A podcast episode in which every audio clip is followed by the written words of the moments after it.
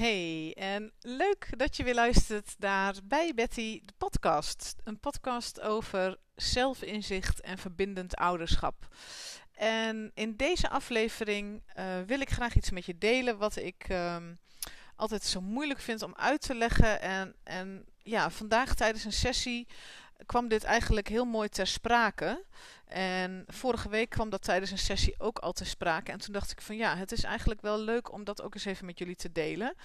Um, ik vind het namelijk zelf altijd heel lastig om heel goed uit te leggen wat ik nou doe. Ja, ik ben kindercoach, ja, ik ben oudercoach, maar um, ja, hoe werkt dat dan of zo? Hè? Uh, wat doe je dan tijdens zo'n sessie en hoe, wat is dan het effect ervan? Want het effect ervan kan ik heel moeilijk um, uitleggen. Want dat wil ik dan graag in mijn Instagram posts en op mijn website natuurlijk wil ik je heel graag uh, vertellen wat zijn de resultaten als je met coaching start. Maar ja, dat is natuurlijk super persoonlijk, want iedere moeder en ieder kind in mijn praktijk hebben andere doelen, ze hebben andere, andere issues, ze hebben andere dingen die ze graag anders zouden willen. Dus um, ik, ik zit dan altijd een beetje van ja, ja, hoe kan ik dat nou het beste omschrijven? En vandaag en vorige week had ik dus sessies. En uh, deze moeders die zeiden, uh, die vertelden mij alle, allemaal, allebei. Um, uh, dingen die eigenlijk super normaal zijn. Nou, Eén moeder zei bijvoorbeeld: Nou, ik, um, ik, moest een, ik moest een ding regelen achter de laptop. Een mail met moeilijke vragen en gedoe. En um, ik heb mijn man even gevraagd of hij of me even wilde helpen daarbij. En we hebben het samen gedaan. En een andere moeder zei, uh, die is aan het reïntegreren. En die zei, nou, ik heb na anderhalf uur mijn laptop dichtgeklapt, want ze moest anderhalf uur werken. En toen had ze de laptop dichtgeklapt. En die andere moeder zei ook nog, um, ja, ik had mensen uitgenodigd voor een verjaardag. En um, iemand kon niet op die dag en wilde graag uh, ervoor of erna komen. Toen heb ik gezegd, nou nee, dat, dat past eigenlijk niet. Nou, dit zijn super simpele dingen waarvan je misschien zelf denkt, ja, uh, je moet anderhalf uur werken, dus je klapt na anderhalf uur je laptop dicht, tuurlijk. Of ja, je nodigt mensen uit, ja, als ze niet kunnen, dan kunnen ze niet, prima. Of nou, ik vraag even mijn man om me te helpen met iets, maar dit zijn dus in haar geval, of tenminste in de gevallen van deze moeders, waren dit dus dingen waar ze enorm tegenaan liepen zonder dat ze dat echt door hadden, zeg maar. Um, deze moeders zijn heel erg gewend om, om alles zelf te doen. Nou, ik doe het wel. Nou, ik regel het wel. Nou, ik, ik neem het wel op me. Dus hulp vragen van je man dat is, kan een hele grote stap zijn als je dat helemaal niet zo in je systeem hebt zitten. En dat heb je dan niet eens altijd zo heel erg door, hè? want dan kom je dan ook dan vaak achter, uh, omdat wij daarin over gesprek gaan en omdat ik je daar vragen over stel. Um, nou, dat, dat, dat, dat na een anderhalf uur die laptop dichtklappen, ja, dat is natuurlijk gewoon hoe het moet. Alleen als je altijd gewend bent om altijd maar door te doen en heel veel verantwoordelijkheid te nemen en uh, je ook heel verantwoordelijk te voelen, ja, dan is anderhalf uur werken terwijl je een vetvolle mailbox hebt en er liggen allemaal projecten op je te wachten en er is ook nog een collega ziek en er is al te weinig personeel voor het werk wat er ligt. Nou, ga dan maar eens na anderhalf uur die laptop dichtklappen. Dus dat is gewoon echt een vette, mega grote stap. En ook bijvoorbeeld nee zeggen, een grens aangeven wat betreft een feestje en uitnodigingen en zo. Uh, dat kan ook een hele grote stap zijn als je gewend bent om het andere altijd maar de zin te maken en je mee te bewegen en je eigen behoeftes heb je geen idee van eigenlijk. Of die weet je wel, maar die zet je gewoon onderaan de lijst. Uh, dan zou je natuurlijk zeggen: Oh ja, nee, uh, kom maar even de dag erna. Terwijl je eigenlijk daar helemaal geen zin in hebt, want je voelt je verplicht, want je wilt het. Hè, je vindt dat je het niet kunt maken en je wilt diegene te vriend houden, of tenminste, hè, het is familie, dus ja, dat doe je dat natuurlijk. Of hè, het is, je, nou, je snapt me wel. Nou, dit zijn dan van die dingen die, die heb je niet per se als doel, zeg maar. Als je bij mij een coachingstraject start, dan heb je vaak niet als doel, nou, als ik, uh, iets, moet, als ik iets moet regelen, wil ik graag mijn man kunnen vragen om hulp. Nee.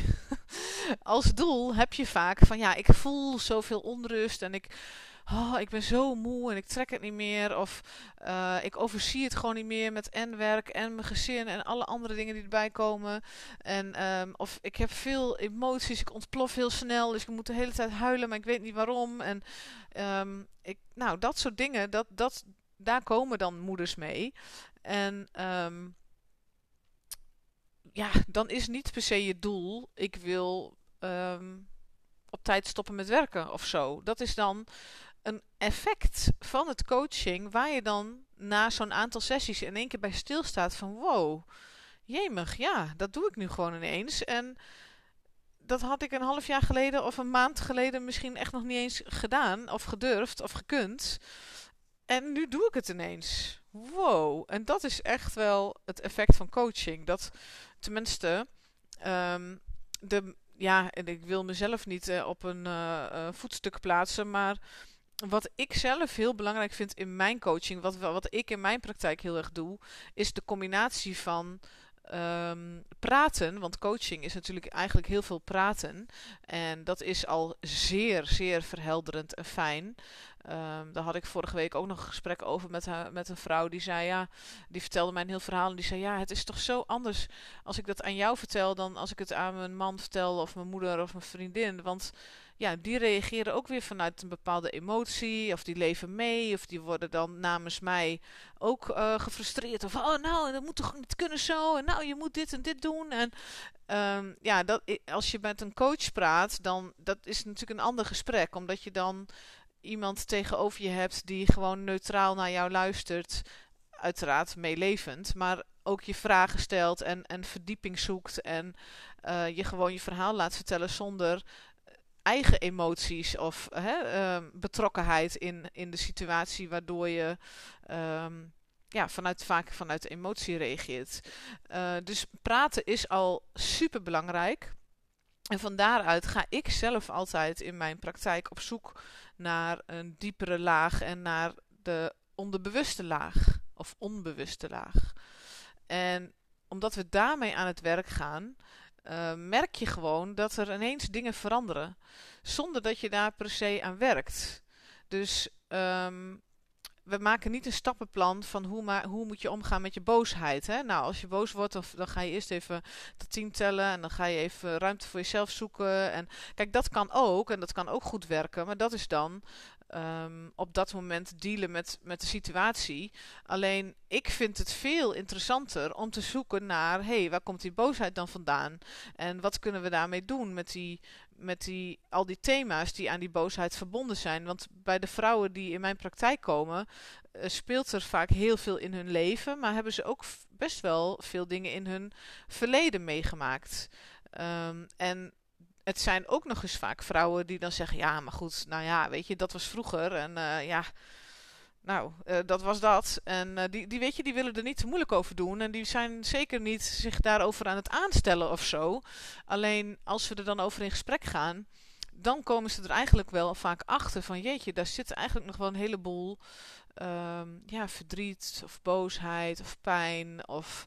En daar gaan we dan op die onbewuste laag mee aan de slag. Daar gaan we dan mee met visualisaties aan de slag, met EFT mee aan de slag, met systemisch werk mee aan de slag.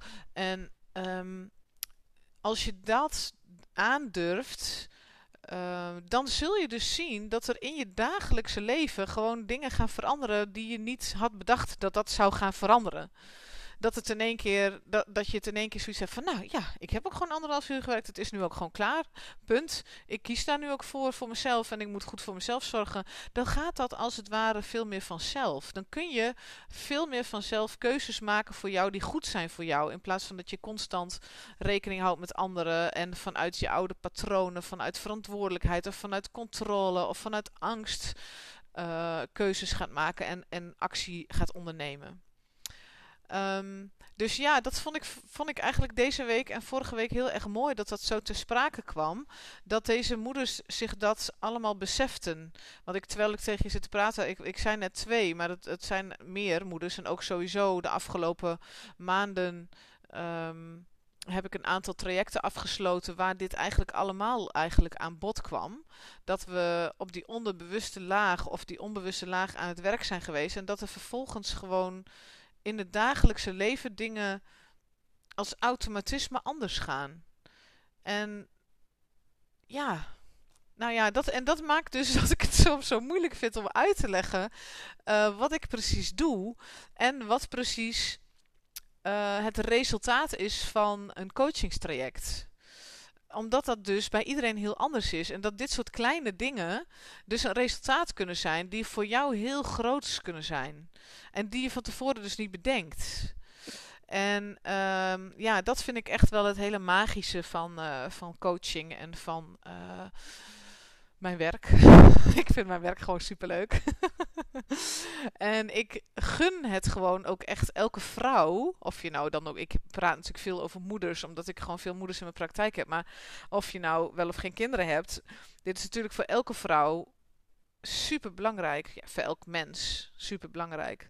Dat je je bewust wordt van alles wat je in je leven hebt meegemaakt. En dat het een effect heeft op hoe je nu handelt en hoe je nu denkt en hoe je nu kiest. Want dat is wel echt zo. En um, ja, dat is natuurlijk gewoon heel jammer dat wij dat in ons uh, leven niet echt leren. Uh, op school of zo. Dat je daarmee dat je daar onderwijs over krijgt over hoe dat werkt. Um, want dat is natuurlijk hartstikke interessant. En dat geldt natuurlijk hetzelfde voor uh, als je wel moeder bent en je hebt kinderen die jou enorm spiegelen. Ik sprak deze week ook een moeder en die zei: Ja, een paar jaar geleden was mijn dochter zo enorm aan het treuzelen altijd. En altijd met het naar school gaan en het duurde en het duurde. En ik liep haar maar op te jagen. En ik kwam er dus onlangs achter, zei ze, of ja, ik weet niet precies wanneer dat was, maar.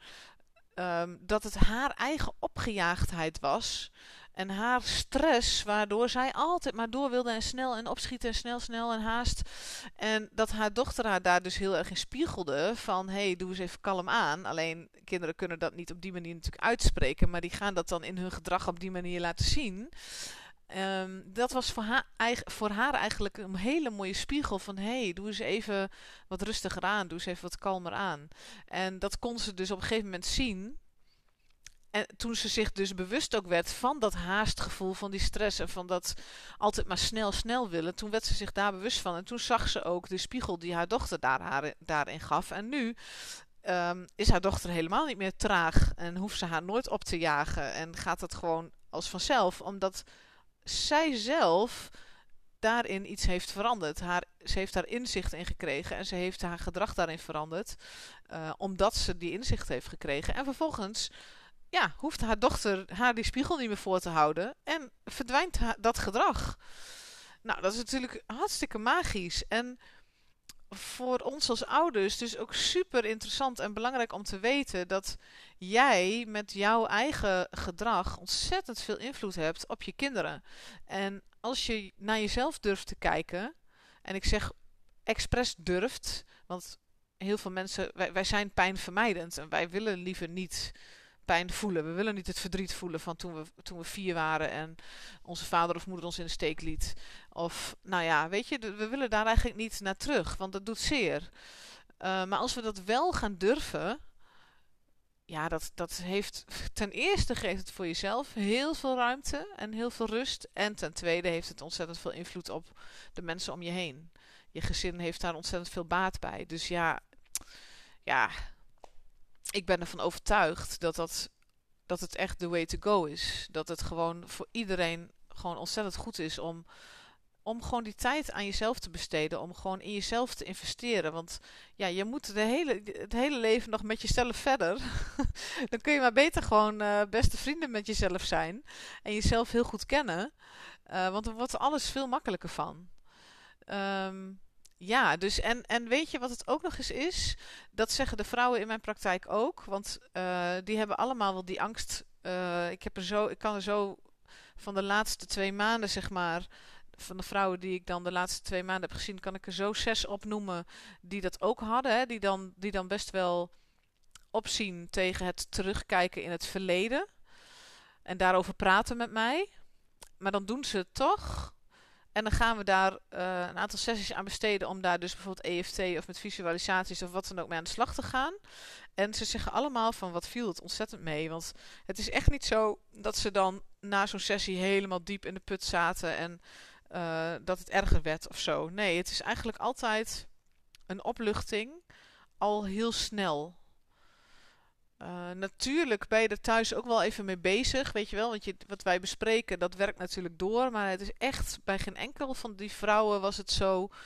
ehm, nou, dat ze gewoon helemaal in de put zaten. Of dat ze helemaal terug gingen denken en er niet meer uitkwamen. En dat alles moeilijk werd en zwaar. Nee, helemaal niet juist. Helemaal niet. Juist opluchting en ook tranen. Maar alleen maar goed. Weet je, dat is goed als het er even uitstroomt. en opluchting en ruimte. En, en dan door die ruimte is er gewoon weer rust. Dus ja, um, dat vond ik wel um, leuk, interessant en nuttig om even met je te delen. Um, dat het dus gewoon ja, ik ben gewoon heel erg van overtuigd dat coaching gewoon super nuttig is. En ik vind dat het, in de, dat het voor iedereen vergoed moet worden. En dat iedereen er gewoon toegang toe moet krijgen. En dat je gewoon uh, in elk geval een paar keer per jaar naar een coach zou moeten kunnen. Uh, dat dat gewoon gefaciliteerd wordt. Omdat het gewoon, er wordt de hele maatschappij wordt daar gewoon beter van.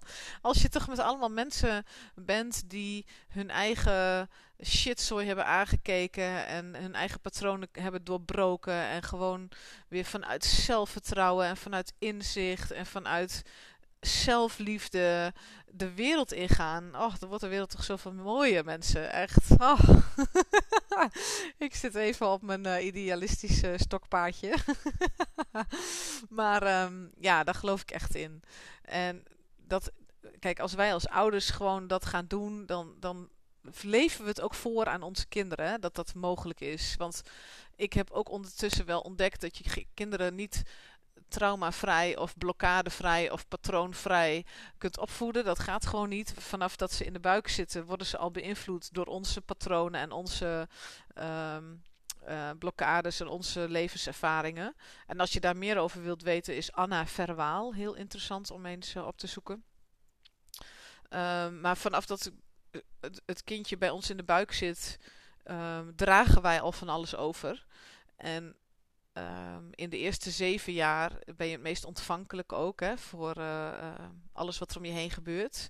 Neem je alles als een spons op, dus ook overtuigingen en patronen en blokkades. En um, ja, dat, dat, dat, dat, daar kunnen wij heel hard voor werken om dus ervoor te zorgen dat dat niet gebeurt. Maar dat, dat kan gewoon niet in deze duale wereld vol met goed en fout. En um, ja, dat, dat is gewoon niet haalbaar. Dus elk kind groeit op met bepaalde angsten, bepaalde tekorten, bepaalde patronen, bepaalde blokkades. En als wij laten zien dat wij daarmee aan de slag gaan en dat wij daarin uh, inzichten krijgen en kunnen veranderen, dan leren zij ook al, hé, hey, dat kan dus.